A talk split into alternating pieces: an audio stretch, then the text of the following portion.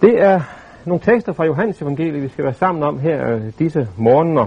Og i dag er det så fra øh, indledningen, det er Johannes prologen, altså kapitel øh, 1, vers 1 til 18.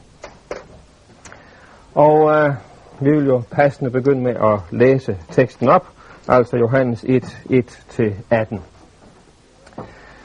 I begyndelsen var ordet, og ordet var hos Gud, og ordet var Gud. Han var i begyndelsen hos Gud. Alt blev til ved ham, og uden ham blev intet til af det, som er.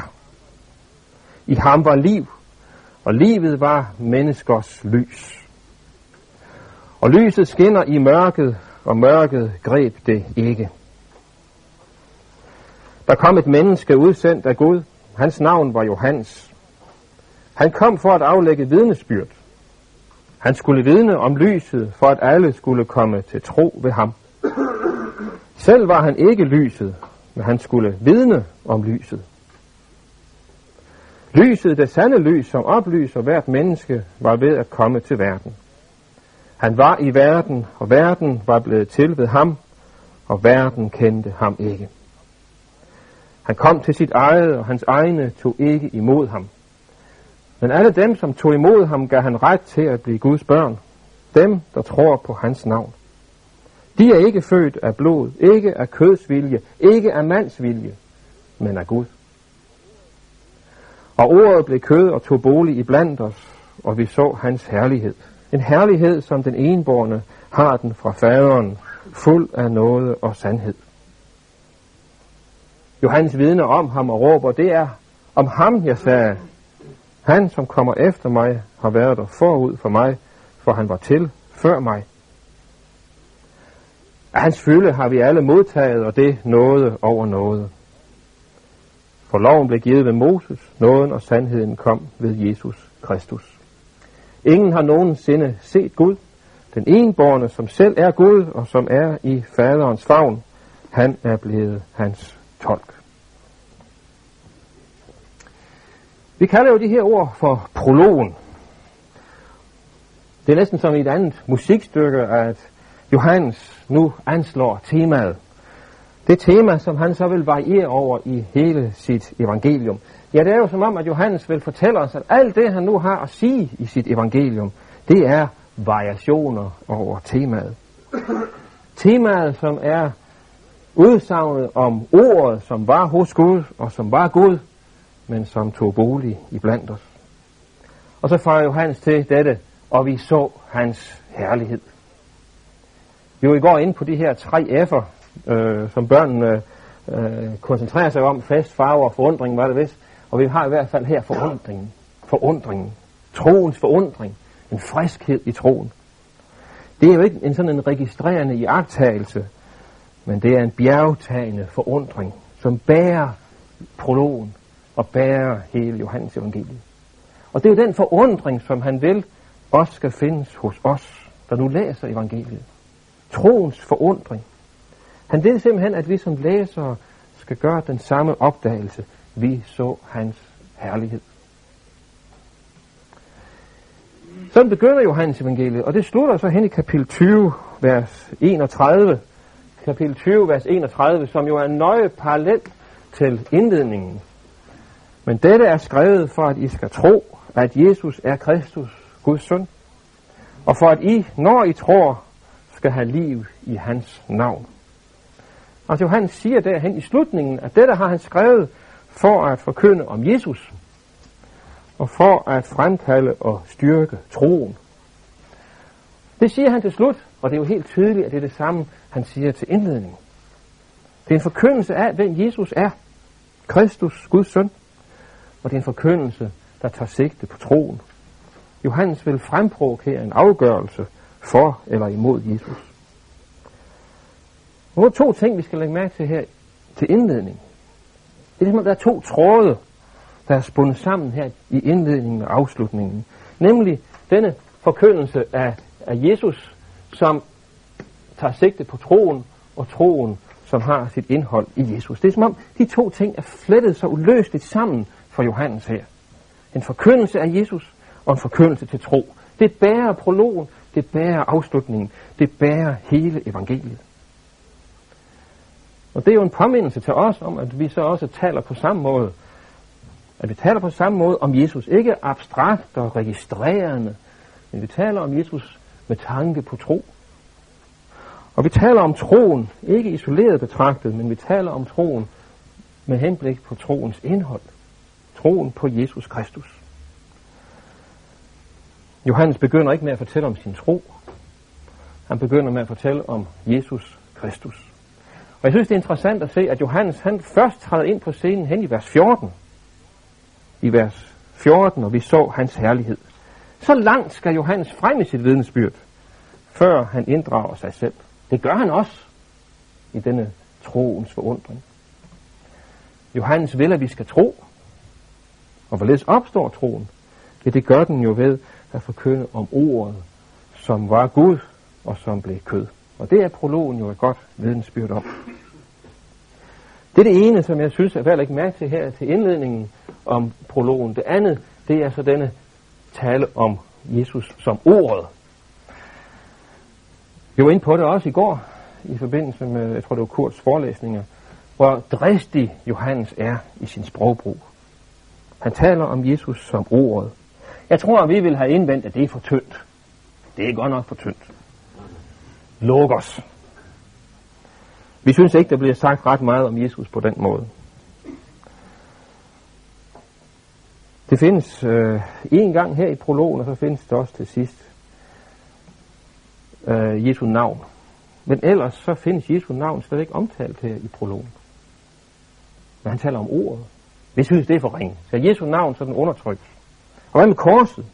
Korset er heller ikke omtalt. Paulus han kom til Korinth, og han sagde, at jeg ikke ville vide af andet end Jesus Kristus og ham som korsfæstet. Og man kan jo næsten mistænke Johannes for ikke at være enig med Paulus, for han synes i hvert fald ikke at have det samme program. Man kan jo ligesom mistænke Johannes for at have moderniseret evangeliet og taget luften af evangeliet for at kildre folks ører med sit interessante budskab. Jamen jeg kan være helt bange for, at jeg ville have reageret sådan. Han har taget luften af evangeliet. Han taler jo ikke om Jesus, han taler om ordet. Han taler ikke om korset. Hvad er det for noget? En modernistisk prædikant, eller måske endda en postmodernistisk prædikant, der sælger ud af evangeliet, af arvegodset. Men jeg tror, at vi er så vendet til Johannes' sprogbrug, at vi ikke rigtig har blik for, hvor dristig han er. De andre evangelister begynder jo ikke på den måde. De fortæller på forskellige måder om Johannes Døberen og om Jesu barndom osv., men Johannes går altså helt tilbage til skabelsen. Der er ikke meget juleromantik over Johannes. Så bruger han altså i stedet for det her mærkelige ord, ordet. Og det kan jo faktisk betyde næsten hvad som helst. De kan slå op i en hvilken som helst ordbog, og så se, at det har jo en helt vifte af betydninger. Det kan betyde ord og tanke, fornuft, tale, historie, rygte, ry, og vi kunne blive ved. En hel masse betydninger. Hvad ligner det at bruge sådan et ord om Jesus, som i grunden ikke siger så meget? Og en rabiner, han vil i hvert fald sige, at det øh, må erstattes af Toran, loven. En rabiner vil jo sige, at loven var fra evighed af. Han kunne hævde, at verden var skabt ved loven. Men Johannes siger altså ikke, at i begyndelsen var loven, og loven var hos Gud, og loven var Gud. Det vil selvfølgelig lægge fjern fra Johannes. Loven er nok Guds ord, men den var ikke fra evighed af. Loven blev givet ved Moses, sådan siger han jo i vers 17. Men sandheden, nåden og sandheden kom ved Jesus Kristus. Vi aner altså alligevel her i det, den betegnelse, talemåde, ordet, at der gemmer sig et evangelium bagved. Johannes bruger jo en udtryksform, som var forståelig både for en jøde og en græker. Det vil vi ikke gå i detaljer med her, men det er klart, at en jøde vil jo straks komme i tanke om skabelsesberetningen. I begyndelsen skabte Gud himmel og jord. Gud siger noget. Han taler. Han skaber ved at tale. En jøde vil have, ikke have svært ved at forstå, hvad Johannes taler om. Når han siger i begyndelsen var ordet, og ordet var hos Gud, og ordet var Gud. Og en græker kunne forstå det. En historiker talte om ordet, og det gjorde filerne, og det gjorde de første gnostikere efter al sandsynlighed også. Så Johannes taler sin tids sprog, og han gør det på en måde, som man altså ikke havde dristet sig til at gøre før.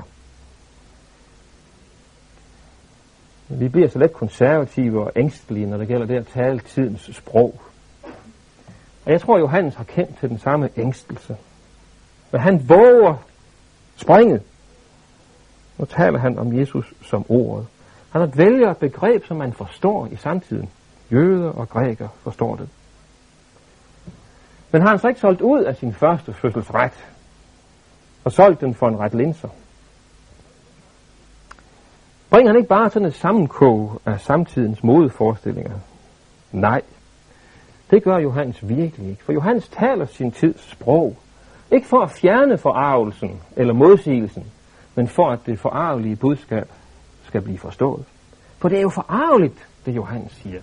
Han taler om ordet, som var Gud, og han taler om ordet, som blev kød. Ordet blev menneske, ja kød. Og selvom en græker og en jøde naturligvis vil forstå betegnelsen ordet, så ville de jo reagere kraftigt på tanken om, at ordet skulle være blevet kød, blevet menneske. At ordet skulle blive en historisk begivenhed. At ordet skete, for det er jo det, Johannes siger, at det ord, som var sådan en abstrakt begreb, at det skete, at det blev en historisk begivenhed. At ordet blev et menneske. Og det stiller Johannes allerforrest i sit evangelium, for at vi ikke skal være i tvivl om, hvad nøglen er til alt det, han skriver. Altså Johannes, han taler sin samtids sprog. Han taler klart, netop for at det skandaløse budskab skal være klart. Hvad så med korset? Har kors, er korset for tid her hos Johannes? Hvis man slår op i en øh, ordbog, så kan man se, at ordet kors, det findes først hen i kapitel 19, i forbindelse med korsfæstelsen af Jesus. Men det siger jo ikke så meget. Ordet korsfæste findes kun én gang i 2. Korintherbrev. Men alligevel så er korsteologien jo den røde tråd i 2. Korintherbrev. Så vi skal jo ikke lægge så meget i, at selve betegnelsen kors ikke forekommer ret meget hos Johannes. Johannes skildrer korset på sin særlige måde. For vi ved jo, at Johannes i sit skrift taler om korset som en ophøjelse. Som Moses ophøjede slangen i ørkenen, således skal menneskesønnen ophøjes. Og han taler om korsfæstelsen som en herliggørelse. Og jeg tror, at Johannes siger noget ganske bestemt, når han så i vers 14 siger, og vi så hans herlighed. Han oplevede jo Jesu herlighed ved, i Kana. Han oplevede Jesu herlighed, da Jesus opvagte Lazarus fra de døde. Men jeg tror, at Johannes også tænker på den dag, han stod derude ved korset sammen med kvinderne. Vi så hans herlighed. Der så han Jesu herlighed, da han blev klynget op på et kors. Her blev Jesus herliggjort. Her viste sig, at han var fuld af nåde og sandhed. Vi kan ikke tale ret om Jesus uden at nævne hans død på korset. Den frelsende Jesus er en Jesus med et kors. Men Jesus uden et kors er nok velanskreven, men ikke frelsen. Johannes vil virkelig ikke forkynde os en sådan velanskreven Jesus. På anden side så lærer han os også, at det jo ikke er selve sprogbrugen, som er vigtig. Johannes kan godt forkynde om Jesu kors, uden at bruge ordet kors. Og det har i hvert fald lært mig noget. For jeg kan så let falde for fristelsen til at bedømme en forkyndelse efter, hvor tit Jesu kors er nævnt.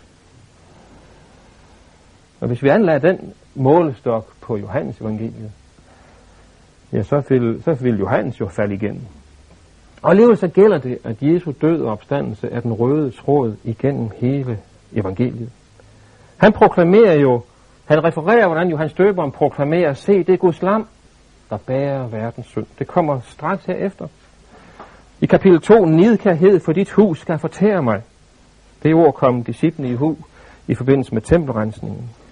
Der sagde Jesus også, riv dette tempel ned, og jeg vil rejse det igen på tre dage. Men det tempel, han talte om, var hans lame, forklarer Johannes. Helt fra begyndelsen, der forkyndes der om Jesu død. Nej, Johannes giver ikke køb på evangeliet om Jesu død og opstandelse. Slet ikke. Men han drister sig til at forkynde det på en uventet og vedkommende måde.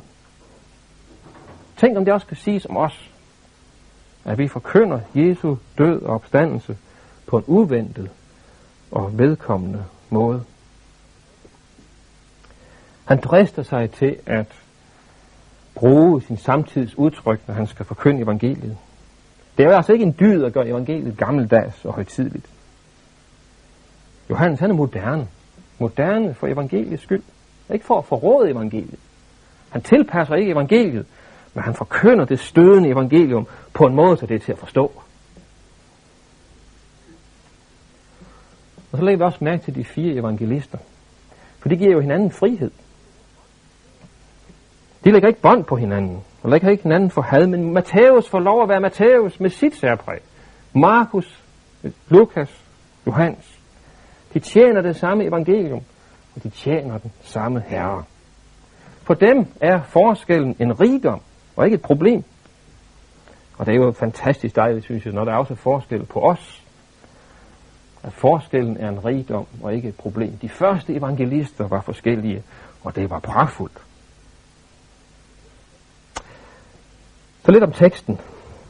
Øhm, kan du ikke trykke på knappen derhen til den der? Jeg har forsøgt at... Måske den kan trækkes lidt op. Er det det? Hvis nu går selve til selve teksten her, så er det jo helt tydeligt, at den er sådan en, et, et bevidst, har en bevidst og sådan målrettet komposition. Jeg lægger mærke til, at Johannes taler om Jesus som Gud, både i begyndelsen og i slutningen her. Han taler to gange om Johannes Døber. Han taler øh, to gange om inkarnationen osv. Og det er Kiefer, som har peget på, at der sikkert er sådan en koncentrisk struktur her i prologen. Og det synes jeg er en vældig spændende tanke, som også kan give lidt stof til eftertanke. Johannes begynder med at tale om ordet, som fra evighed af var hos Gud, og som var Gud. Ordet var ikke på skabningens side, men på Guds side. Ordet blev ikke skabt, men var fra evighed af. Ordet tilhørte ikke tiden og rummet, men evigheden. Gud åbenbart sparede sig nok i begivenheder og i billeder, men først og fremmest gennem sit ord, som blev en begivenhed. Ordet var i begyndelsen, og ordet var Gud. Der var sådan en enhed mellem sønnen, faderen og sønnen fra evighed af. Og derfor er det også en misforståelse at tro, at så før inkarnationen, og der var der tale om en vred Gud, som så først gennem Jesus blev kærlig, fordi Jesus sonede Guds vrede. Sådan forholder det sig ikke. Faderen og sønnen har for evighed været et, og Gud Fader har for evighed af været kærlighed.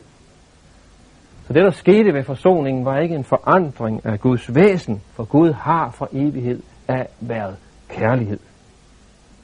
Og noget af det samme anlæggende har vi så til slut ned i vers 18. Ingen har nogensinde set Gud, den enborne, som selv er Gud, og som er i faderens favn. Han er blevet hans tolk. Den enborne Gud i faderens favn er faderens tolk. Ja, også her lægger vi mærke til, at Johannes taler om Jesus som Gud. Men vi ser også, hvordan der understreges meget stærkt denne enhed mellem faderen og sønnen. Og det, der er særligt øh, interessant i vers 18, det er jo, at der tales om, at Jesus Kristus er i faderens favn. Også mens han åbenbarede øh, faderen på jorden. Jesus var, og han er, og vil altid være i faderens favn. Også under sit jordeliv. Og de to tanker står jo sammen i Johannes evangelie, at sønnen kommer fra faderen og vender tilbage til faderen, og sønnen er altid til stadighed i faderens favn. Denne enhed mellem faderen og sønnen er bærende for Johannes evangeliet. Så ser vi altså, hvordan prologen indrammes af denne bekendelse af Jesus som Gud. Men det interessante er jo, at det ikke bare er prologen, men det er jo også hele evangeliet. Fordi hen i slutningen af Johannes evangeliet, der har vi jo også denne bekendelse. Det er jo Thomas, der hen i slutningen af Johannes evangeliet bekender den opstandende Jesus som min Herre og min Gud. Den bekendelse er foretegnet, det indrammer prologen, den indrammer hele evangeliet. Bekendelsen af Jesus som Gud. Og igen er jeg helt overbevist om, at det Johannes vil, det er, at du og jeg, at vi, der læser evangeliet, skal bryde ud i den samme bekendelse i mødet med Jesus, min Herre og min Gud. Det næste, det er så øh, vers 3, der korresponderer med vers 17. Johannes fortæller, hvordan der med ham, men med Jesus kommer en helt ny begyndelse. Alt er blevet til ved ham, og uden ham blev intet til af det, som er. Igen mærker vi denne citrende forundring hos Johannes. Han taler af egen erfaring. For med Jesus begyndte der noget helt nyt for mig personligt, siger Johannes. Og som om han så udvider perspektivet, jamen sådan var det også i det store perspektiv. Sådan var det ved skabelsen. Vers 3. Han proklamerer, at alt er skabt ved ordet, og der er intet i ordet, som ikke er mærket. Øh, ikke, er, der er intet i skaberværket, som ikke er mærket af ordet. Sådan var det, der begyndte noget nyt med mig. Sådan var det der i skabelsens sammenhæng, der begyndte, begyndte noget nyt med, med Jesus. Og sådan er det også i frelseshistorien, og det er så det, han har nævnt i vers 17. Der skete noget nyt med Jesus. Loven blev givet ved Moses. Nåden og sandheden kom ved Jesus Kristus. Sandheden. Det er også det begreb, jeg var jo inde på i går. Sandheden, som i hvert fald Johannes evangeliet øh, kendetegner øh, åbenbaringen. Man kan ikke tale om sandhed uden åbenbaring i Johannes evangeliet. Sandhed er den sande åbenbaring af, hvem Gud er. Den, som kom med Jesus Kristus. Loven blev givet ved Moses, men den sande åbenbaring af, hvem Gud er, blev givet ved Jesus Kristus. Nåden og sandheden fik en helt ny begyndelse med Jesus Kristus. En ny begyndelse med Jesus Kristus. Vers, vers 3 og vers 17. Og så retter Johannes jo så blikket mod de gaver, som han og vi andre har modtaget, fordi der kom en ny begyndelse. Vers 4 og 5. I ham var liv, og livet var menneskers lys. Og lyset skinner i mørket, og mørket greb det ikke. Ordet havde liv, for at skænke liv. Han havde ikke liv bare for sig selv, men for verden. Og det der var, det var i ham livet fandtes og det er fra ham livet modtages. Uden troen på Jesus kan et menneske nok eksistere, men med troen på ham kan det leve. Og Jesus skænker os ikke bare væren og eksistens, han skænker liv. Det er den gave, som Johannes peger på her i vers 4 og 5. Og det korresponderer jo så med vers 16, at hans fylde har vi alle modtaget, og det er noget over noget. Ja, Jesus havde liv for at skænke liv. Og nu hedder det, at vi har modtaget noget over noget. Jesu rigdom er en rigdom på noget.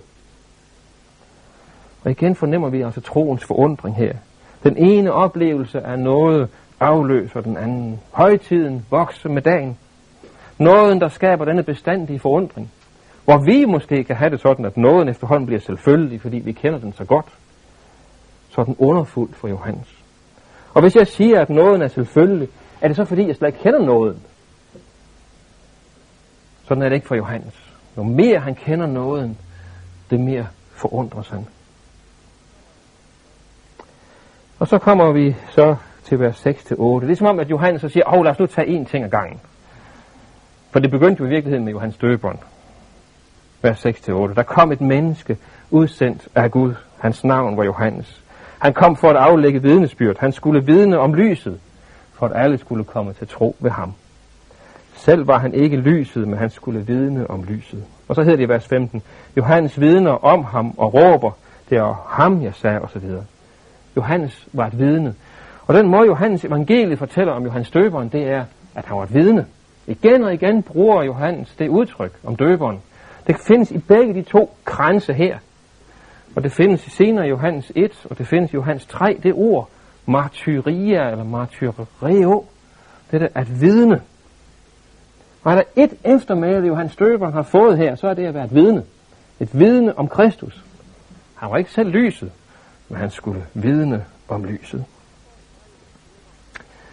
Og så fra Johannes Døberen går blikket så videre til inkarnationen. Og det er så vers 9-11. Det lyset, det sande lys, som oplyser, at hvert menneske var ved at komme til verden. Jesus, som er det virkelige lys, det ægte lys, som oplyser et hvert menneske. Og igen, det siger Johannes her, at dyr erfaring. Det er ikke den skrivebordsteologien, der sidder her med sine papirer og sin computer, og så bare skal finde på noget at skrive. Det er jo, opfor, det er jo sådan forundringen, der bærer det her. Den er citrende tro, men også hans bedrøvelse. Verden kendte ham ikke. Og det lægger Johannes jo overhovedet ikke skjult på i sit evangelium. Modsigelsen mod Jesus kommer straks. Og derfor, også selvom Johannes taler sin tids sprog, og selvom han forkynder om Jesus på en måde, så det er til at forstå, så er det modsigelsen og forarvelsen, som kommer igen og igen. For det meste øh, i øh, jødernes aggressive modstand imod Jesus. Han kom til sine egne, og hans egne tog ikke imod ham. Det skjuler Johannes ikke, selvom han taler tidens sprog. Og på vers 9-11 står jo så vers 14. Ordet blev kød og tog bolig i blandt os. Han var et sandt menneske. Han, var, han blev kød, men han var sand Gud. Han var ordet. Som Gud lod sit tempel og sit tabernakel bygge i den gamle pagt, således opslog ordet sit telt, sit tabernakel i blandt os, siger Johannes. Og Johannes er forbløffet. Han er virkelig forbløffet. Gud byggede sit tempel i den gamle pagt i Jerusalem. Nu opslog han ordet sit telt i blandt os. Mennesker så Jesu gerninger og hørt hans ord. Men mange så jo ikke den guddommelige herlighed. Det gjorde Johannes. Og han er selv et vidne, som Johannes Døberen var. Sådan er Johannes selv et vidne. Han, det han fortæller er baseret på et, et dobbelte vidnesbyrd. Han er et øjenvidne og et sandhedsvidne. Han er et øjenvidne, for han så det selv. Jeg så det jo selv. Han er et vidne om det sande evangelium. Han er et øjenvidne. Men han er også et sandhedsvidne. I den forstand, han står inde for det. Jeg står med mit liv, med min livsførelse, med min eksistens, inde for, at det evangelium taler sandt. Han var et vidne om evangeliets sandhed. Både et vidne om det sande evangelium og om evangeliets sandhed. Både et øjenvidne og et sandhedsvidne. Og det er jo helt tydeligt, at når Johannes han nu fortæller om de her ting, så er det fordi, han også ønsker, at kirken, at du og jeg skal stå i det samme øjenvidnesbyrd og sandhedsvidnesbyrd. Vi så hans herlighed. Det ånder af begge de to typer vidnesbyrd. Han taler tidens sprog. Men det er jo ikke givet, at det skaber troens forundring. Helligånden må gøre sin gerning, hvis nogen skal sige som reaktion på vort, på dit og mit øjen og sandhedsvidnesbyrd, vi så hans herlighed. Og så når vi jo så frem til netop dette, at der er nogen, der siger, at vi så hans herlighed. Det centrum her i prologen, vers 12 og 13. Men alle dem, som tog imod ham, gav han ret til at blive Guds børn, dem, der tror på hans navn. De er ikke født af blod, ikke af kødsvilje, ikke af mandsvilje, men af Gud. Det var Guds lov ikke bare afvisning, som Jesus mødte. Der var nogen, der fik troens gave. Og dem hedder det her, at de fik barneret, barnekår. Vi har jo det samme udtryk i Johan i Romer 8, 15. Øh, I har fået den ånd, der giver barnekår, og i den råber vi, Abba, Fader. De blev født af Gud. De lærte at bede, vor far, du som er i himlene. Prøv at se, hvordan der over for alle de mange ikke, ikke, ikke, ikke, så står der denne triumf, født af Gud. Ikke bare adopteret af Gud, født af Gud, med alt, hvad det indebærer. Og igen, vi kan næsten høre Johannes tab på pusten. Født af Gud. Det var en dvæler ved det udtryk. Født af Gud.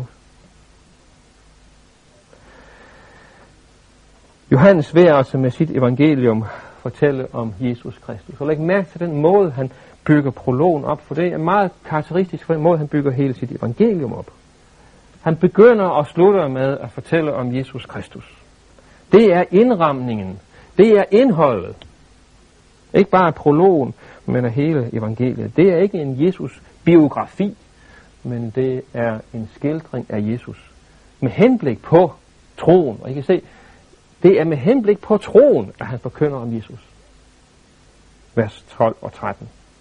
Han forkynder om Jesus med sigte på tro. Og det er altså det samme, vi har her så i slutningen af Johannes evangeliet.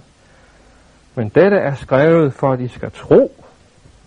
For I skal tro, at Jesus er Kristus, Guds søn, og for at I, når I tror, skal have liv i hans navn.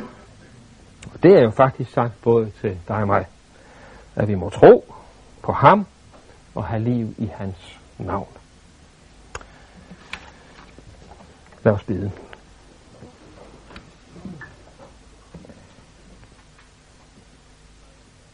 Kære himmelske far, vi takker dig for, at du sendte Jesus Kristus. Kære Herre, vi bekender for dig, at vores, en af vores store synder, det er ofte, at vi gør din kærlighed selvfølgelig. At din kærlighed bliver triviel, rutinemæssigt, noget vi kender så godt. Herre, rust du med din helligånd op i os. Og vi må have noget af den samme friskhed, den samme begejstring, den samme forundring i troen, som Johannes havde. Her om vi hver især også må bekende med forundring, at vi så din herlighed. Her vi har ikke noget større ønske, end at det må gælde for os, som det galt for Johannes.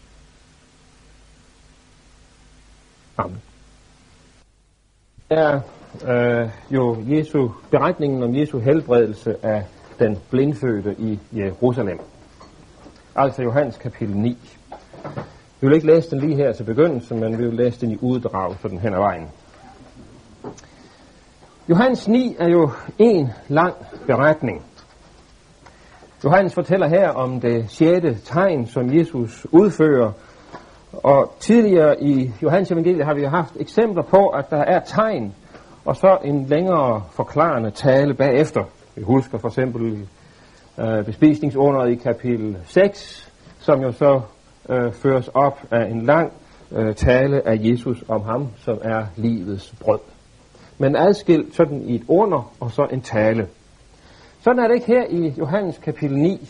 Der er øh, underet og så øh, forklaringen flettet ind i hinanden. Sådan har vi det for eksempel også i Johannes kapitel 11, da Jesus øh, opvækker Lazarus. Der har vi også forklaringen flettet ind i selve øh, underberetningen. Johannes fortæller, at Jesus opholder sig i Jerusalem i anledning af løvhyttefesten. Det har vi jo i kapitel 7 og 8. Og vi ved jo, hvordan der jo indgik forskellige ceremonier med lys ved denne løvhyttefest. Og det giver så Jesus anledning til at sige, jeg er verdens lys. Den, der følger mig, skal aldrig vandre i mørket, men have livets lys. Kapitel 8, vers 12. Og det er jo selve rammen for det, som vi hører nu her. Det Jesus altså siger i 8.12. Jeg er verdens lys. Det er den, hvad skal vi sige, den nære ramme. Men vi har jo også en mere vid ramme her i Johannes evangeliet. Jo, I går ind på prologen, og her har vi jo netop skildringen af Jesus som lys. Ikke Johannes støberen, men Jesus er lyset. Johannes forklarer, at lyset var til liv, og alligevel var der mange, der foretrak mørket. Lyset blev afvist, men nogle tog imod ham. Han kom til sit eget, og hans egne tog ikke imod ham. Men alle dem, der tog imod ham, gav ham ret til at blive Guds børn, dem, der tror på hans navn. Det siger Johannes allerede her ved indledningen kapitel 1. Og som vi var inde på i går, så er Johannes evangeliet jo en udlægning, en forklaring af det, der står i prologen. Og det er det her jo et godt eksempel på. Vi møder her et menneske, for hvem Jesus er blevet lys og liv. Men vi får også en rystende forklaring på, at mørket ikke greb lyset, at hans egne ikke tog imod ham. Og det er jo sådan den videre ramme for det, vi hører om her i Johannes 9. Beretningen er bygget op på den måde, som øh, jeg har skildret her, at vi jo i de første fem vers hører om Jesus samtale med disciplene før underet, så har vi selve helbredelsen i vers 6-7, og så forskellige samtaler i den forbindelse i vers 8-34, og så en skildring af underens resultat i vers 35-41. Men vi vil nu læse øh, de første syv vers, og så fra vers 35 til 41. På sin vej så Jesus en mand, der havde været blind fra fødslen. Hans disciple spurgte ham, Rabbi, hvem har syndet, han selv eller hans forældre, siden han er født blind? Jesus svarede, hverken han selv eller hans forældre har syndet, men det er for, at Guds gerninger skal åbenbares på ham. De gerninger, som han, der har sendt mig, vil have gjort, må vi gøre, så længe det er dag. Der kommer en nat, der ingen kan arbejde. Mens jeg er i verden, er jeg verdens lys. Da han havde sagt det, spyttede han på jorden, lavede døn med spyttet, smurte dønnet på den blindes øjne og sagde til ham, gå hen og vask dig i Siloadammen. Siloa betyder udsendt. Han gik så hen og vaskede sig, og da han kom tilbage, kunne han se. Og så har vi jo disse samtaler mellem øh, den helbredte og forskellige grupper, hans forældre, naboer, øh, farisæerne osv. Og vi springer så hen til vers 35. Jesus hørte, at de havde jaget ham ud, og da han mødte ham, sagde han, tror du på menneskesønnen? Han spurgte, hvem er det, herre, så jeg kan tro på ham? Jesus sagde til ham, du har set ham, det er ham, der taler med dig. Han sagde, jeg tror, herre. Og han tilbad ham. Og Jesus sagde, til dom er jeg kommet til denne verden, for at de, der ikke ser, skal komme til at se, og de, der ser, skal blive blinde. Nogle af farisæerne, som var sammen med ham, hørte dette og sagde til ham, er vi måske også blinde? Jesus svarede dem, var I blinde, havde I ikke synd, men nu siger I, vi ser. I synd er og bliver I. Amen. Den her tekst handler jo om den blindfødte og om Jesu helbredelse af hans blindhed. Og på overfladeplanet har vi jo at gøre med helt konkret under. Der sættes jo ikke spørgsmålstegn ved det i og for sig. Øh, en blind mand får sit syn igen. Men det er jo klart, at Johannes, når han fortæller det her, så er der en masse undertoner i den her tekst. Der taler om blindhed, om mørke og nat. Og der taler om, at Jesus er lyset og dagen. Han er verdens lys. Han spreder det mørke, der er i verden. Akkurat som vi var inde på i går, så handler den her tekst om Jesus, og den handler om troen på ham. Og Johannes kan altså ikke rent teoretisk fortælle om Jesus. Han vil fortælle om Jesus på en sådan måde, så spørgsmålet bliver nærgående. Tror du på ham? Er han dit lys? Befinder du dig i mørket? Det er disse selvrensagende spørgsmål, som Johannes nu vil have os til at besvare. Johannes fortæller her i Johannes 9 nogle vældig væsentlige ting om, hvem Jesus er. Og det er det første. I Gamle Testamente hører vi jo løfter om, at når Gud kommer til sit folk, så skal de blinde blive seende. Vi kender alle sammen denne vidunderlige tekst fra Esajas 35, denne blomster som en rosengård tekst, hvor det hedder, at der skal de blindes øjne åbnes, og døves ører lukkes op. Denne triumf, som vi har der i Johannes, i Esajas 35. Og det er jo den triumf, vi også mærker bag ved den her tekst. De blindes øjne åbnes. Gud kommer til sit folk. Når Jesus helbreder den blindfødte, så er det virkelig et vidnesbyrd ikke alene om, at Messias kommer, men om, at Gud nu kommer til sit folk. Helbredelsen er et tegn. Den er tegn på Jesu herlighed. Ja, den er tegn på Guds herlighed. For kun Gud kan åbne de blindes øjne, sådan som vi også hørte senere. Gud kan åbne de blindes øjne. Kun Gud kan. Sådan er Jesus. Længere frem i teksten, der hedder det, så længe jeg er i verden, er jeg verdens lys. Jesus er i verden, og her er han verdens lys. Men Jesus kan jo ikke være i verden uden at være dens lys. Sådan var det allerede ved, ved, ved skabelsen, og det var jo det, vi hørte om i prologen. Allerede her var Jesus lys, 1.4. Og som inkarneret, vil han være lys. Han er i verden, siger han. I verden er han verdens lys. Og sådan rækkes blikket jo også fremad imod den sidste dag, da han i sandhed skal være verdens lys. Han er verdens lys. Og ved at møde Jesus er den blindfødte nu gået over fra nattens mørke til dagens lys. For ham er spørgsmålet om Jesus som verdens lys jo ikke sådan et teoretisk, teologisk spørgsmål, som han sidder og roder med, men det er jo en erfaret virkelighed. Jesus er mit lys. Og det er jo helt tydeligt, når Johannes fortæller om det her. Så er det altså ikke bare for at give os øh, stof til eftertanke og, og øh, resonemanger. Men det er jo for, at hver eneste troende skal bekende, at Jesus er verdens lys. Jesus er mit lys. Helbredelsen den skal jo så vise, at Jesus bryder enhver form for blindfødt. Og jeg tror, der er en vældig pointe i det, at han er blindfødt. At han er blindfødt. For det er jo hver eneste menneskes lod.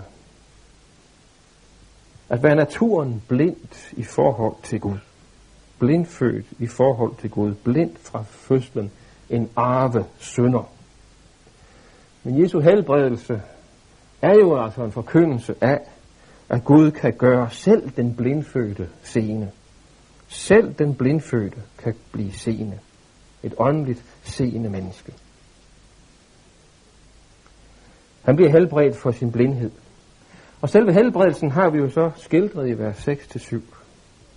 Da han havde sagt dette, spyttede han på jorden og lavede døn af spyttet og smurte dønnet på hans øjne. Og han sagde til ham, gå hen og vask dig i Siloadammen. Det betyder udsendt. Og han gik derhen og vaskede sig, og da han kom, var han seende. Det er en interessant øh, tekst, den her. For Jesus spørger slet ikke om den blindfødtes tro. Jesus tager initiativet og griber ind i mandens tilværelse, uden at spørge om hans tro. Og her er der en vis forskel på de synoptiske evangelier, Matthæus, Markus og Lukas, og så Johannes.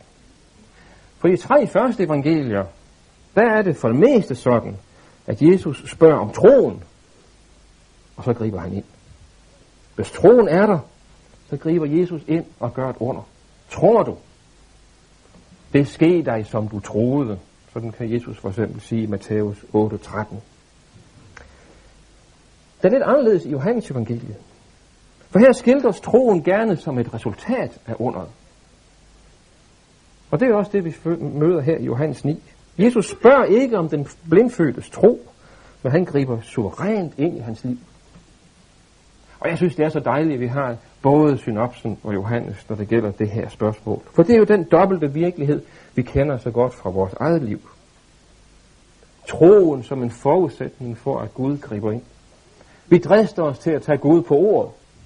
Du har sagt det, så stoler jeg mere på dit ord, end på mine fornemmelser og snusfornuft. At tage Gud på ordet, jamen det er jo tro. Men samtidig så erfarer vi jo også, hvorledes Guds gode gerning kan styrke og bevare troen. Og troen bliver rådfæstet og moden, når vi får lov at erfare, at Guds løfter står ved magt. Gud greb ind. Hans navn vær lovet. Min tro blev styrket. Hvorfor? Fordi Gud greb ind. Troen erfarer vi både som en forudsætning for Guds indgreb, men også som et resultat af Guds indgreb. Det er godt, at vi har både synopsen og Johannes.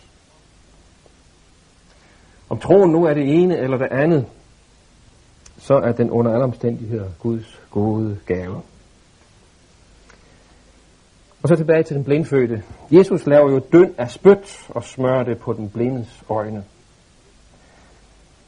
Det er ikke til at vide, men jeg gætter på, at Johannes vil føre vores tanker helt tilbage til skabelsens morgen her. I første Mosebog 2, 6 og 7, 2, 6 og 7, der hedder det, at Gud formede mennesker af jorden, efter at en kilde havde vandet hele af jorden. Men en kilde brød frem af jorden og vandede hele af jorden, der formede Gud Herren mennesket af jord og blæste livsånd i hans næsebor, så at mennesket blev et levende væsen. Hvis det er rigtigt, at Johannes nu vil føre vores tanker tilbage til den tekst, så vil han jo vise os, at denne helbredelse er en ny skabelse. Jesus er den nye skaber. Han er den, der nyskaber, der genopretter skaberværket. Han skaber et nyt menneske, som det på den dag hed, der skal være lys. Og der blev lys. Sådan er Jesus nu den, der bryder det lammende mørke. Der blive lys, og der blev lys. Det erfarede den blindfødte den dag. Et nyskabt menneske. Det siger noget om, hvad der skete den dag, men det siger jo også noget om, hvem Jesus er. Han er skaberen. Han er nyskaberen. Han er Gud.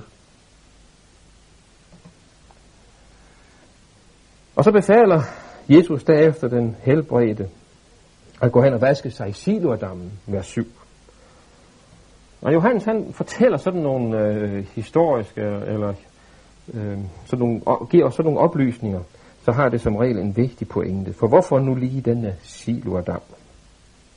Ja, Johannes han forklarer det jo faktisk for os.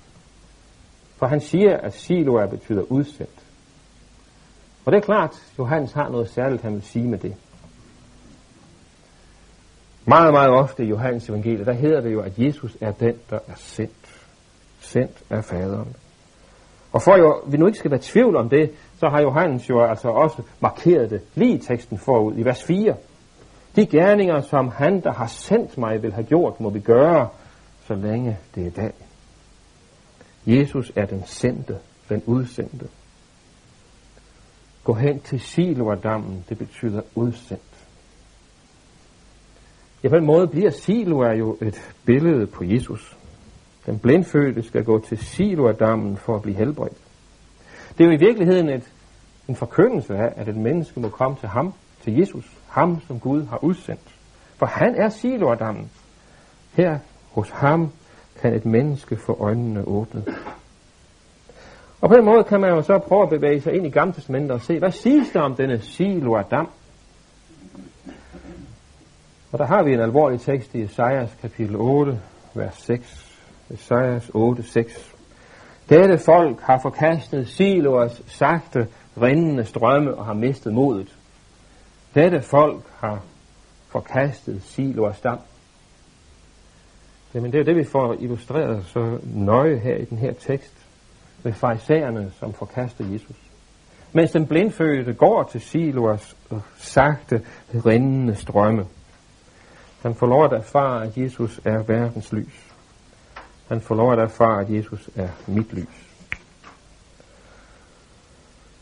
Og så møder vi her i teksten jo en, som jeg sagde før, der er en form for flætning her i teksten. Der er flere flætninger her i teksten.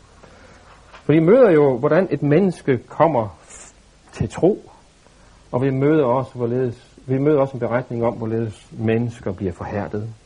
Og det er som om, nu skal jeg se, om jeg kan lave sådan en... Øh, det er som om, vi har sådan to, øh, to linjer i teksten, hvor det ene begynder i mørket, men ender i lyset. Den anden begynder i øh, lyset, men ender i mørket. Og vi møder altså de her to linjer, som i, i løbet af kapitel 9 bliver flettet sammen. De møder hinanden, de kommer i samtale med hinanden. De har et forskelligt udgangspunkt og ender forskellige steder. Den ene er jo den blindfødte. Den blindfødte, som kommer fra mørket. Den blindfødte ved i første omgang, at den, der helbredte helbredt ham, er et menneske. Han hedder Jesus, vers 11. Den blindfødte fortæller om Jesus som en kendt person. Han er i hvert fald et menneske, en mand, vers 11. I vers 12, der spørger naboerne den blindfødte om, hvor Jesus opholder sig, men det ved den blindfødte ikke noget om. Altså den blindfødte, han er virkelig på et meget tidligt tidspunkt i troens, på, tro, på et tidligt stadium på troens vej. Han ved ikke, hvem Jesus er, og han ved ikke, hvor Jesus er. Og prøv at tænke på, at det er altså det menneske, der er helbredt. Han er helbredt af Jesus. Jesus har grebet ind, men han ved ikke, hvem Jesus er. Og han ved ikke, hvor Jesus er. Så bliver han forhørt af farisæerne, vers 17, og den blindfødte kalder Jesus en profet. Og her lægger vi mærke til, at Johannes evangeliet tales jo ofte om Jesus som profeten, den profet, der er givet løfte om i 5. Mosebog 18, en profet som Moses. Men det er ikke den profet, det er ikke profeten, der er tale om her. Han bekender Jesus som en profet. At det er et helligt menneske, der kommer med et særligt budskab.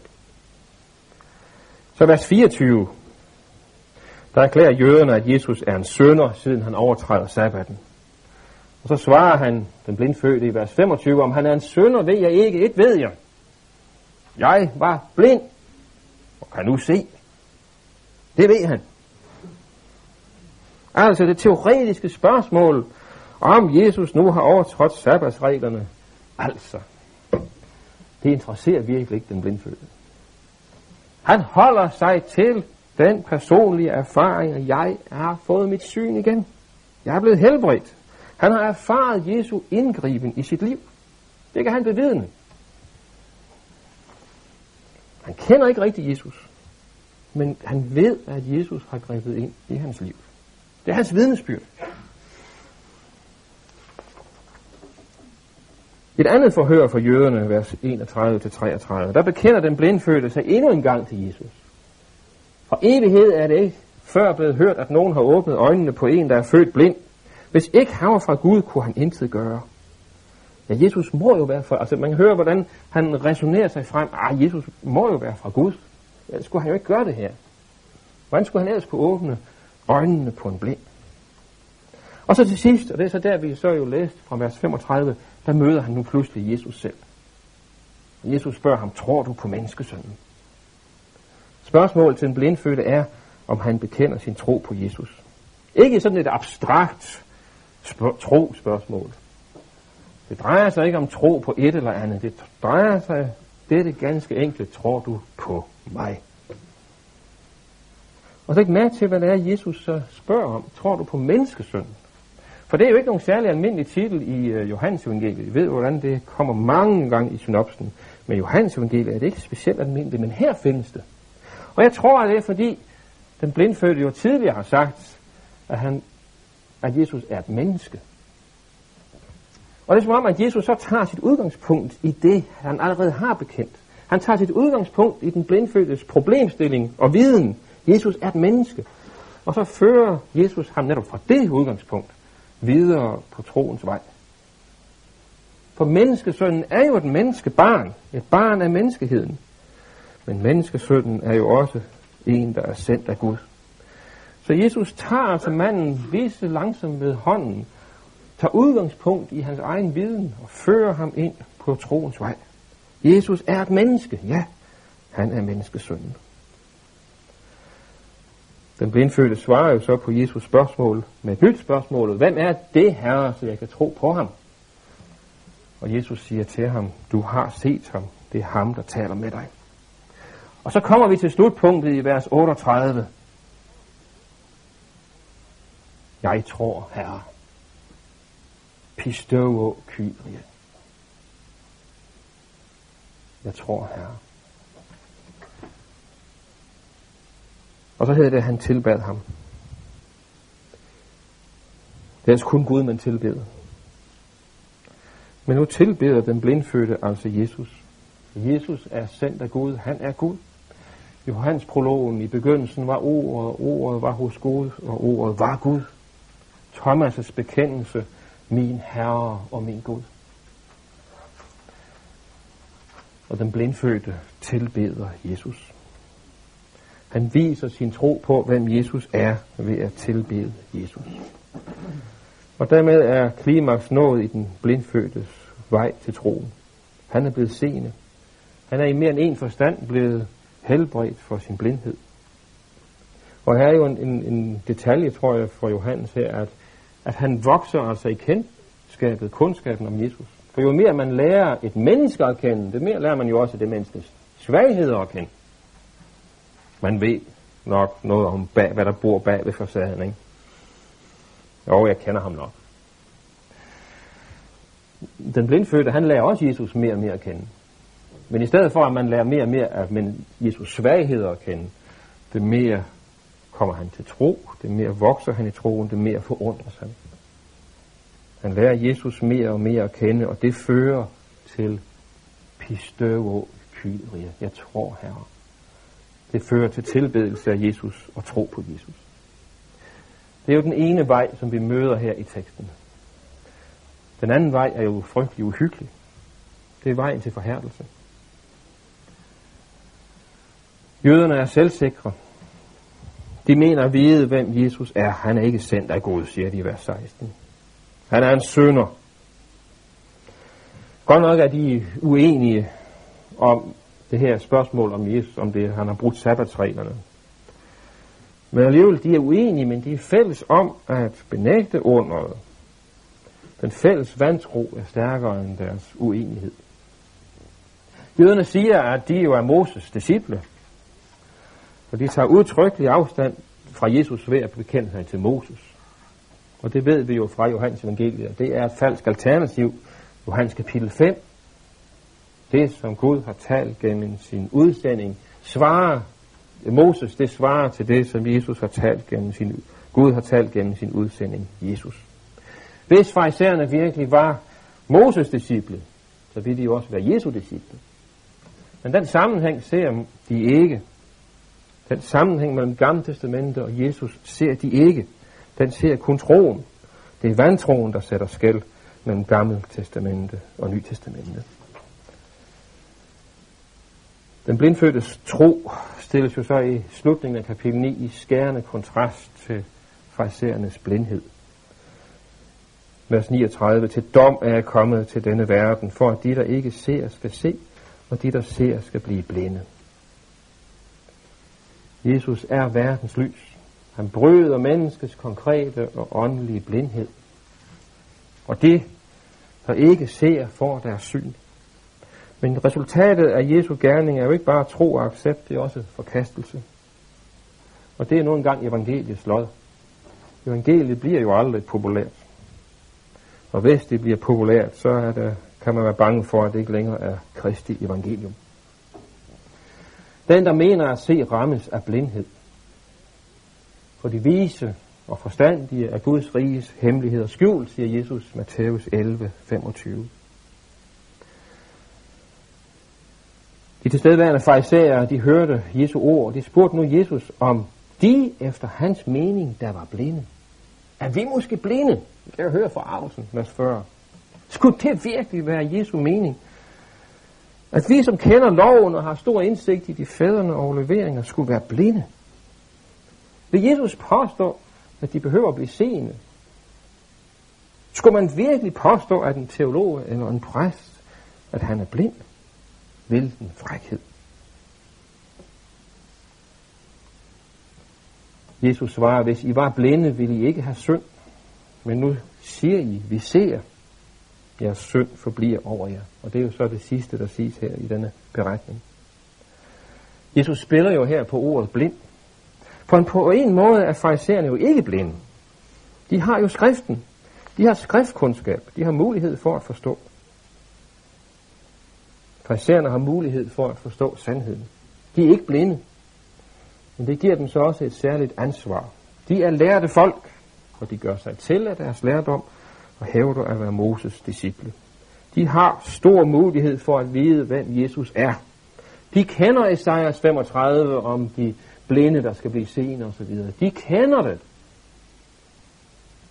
De har stor mulighed for at vide, hvem Jesus er. Men der er et tragisk men. De har ikke udnyttet den mulighed, og det er dommen over dem. Man kan ikke lade være med at tænke på Helle Tre Kongers teksten her. Om de vise mænd, der opsøger Herodes for at få at vide, hvor Messias skulle fødes. Og Matthæus 2.4, der hedder det, at Herodes, der sammenkaldte alle øverste præsterne og folket skriftkloge, og de finder jo straks svaret. De kender jo deres gamle testamente, de ved fra Mikas bog, at Messias skal udgå fra Bethlehem. Men de skriftkloge bliver siddende i Jerusalem. De begiver sig ikke til Bethlehem sammen med de hedenske vise mænd. De vidste, hvor Messias var at finde. De havde jo skriften, men det var en teoretisk og kold viden. De gik ikke fra Jerusalem til Bethlehem. Og det er jo en hyggelig fare for enhver, der på en eller anden måde har et professionelt forhold til skriften. Et professionelt forhold til skriften. Det er jo et helt uhyggeligt udtryk for så vidt. Det er farligt. For sådan et professionelt forhold til skriften kan jo blive et skjold, som man holder op imod Kristus. Skriften kan studeres og undervises på en sådan måde, at man holder Kristus på afstand. Og det er de skriftkloge på Jesu tid jo et uhyggeligt eksempel på. At de stod i lyset, men endte i mørket Igen deres skriftkundskab. Dommen over dem er, at deres synd forbliver. De skal forblive i synden, står der. Det er virkelig forhærdelsens udtryk.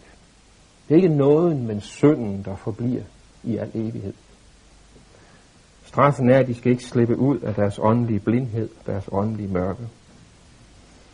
I 1. Johannes 5, 16, der tales der om synd, der leder til døden, og Jesus taler jo om bespottelse mod Helligånden som en evig synd.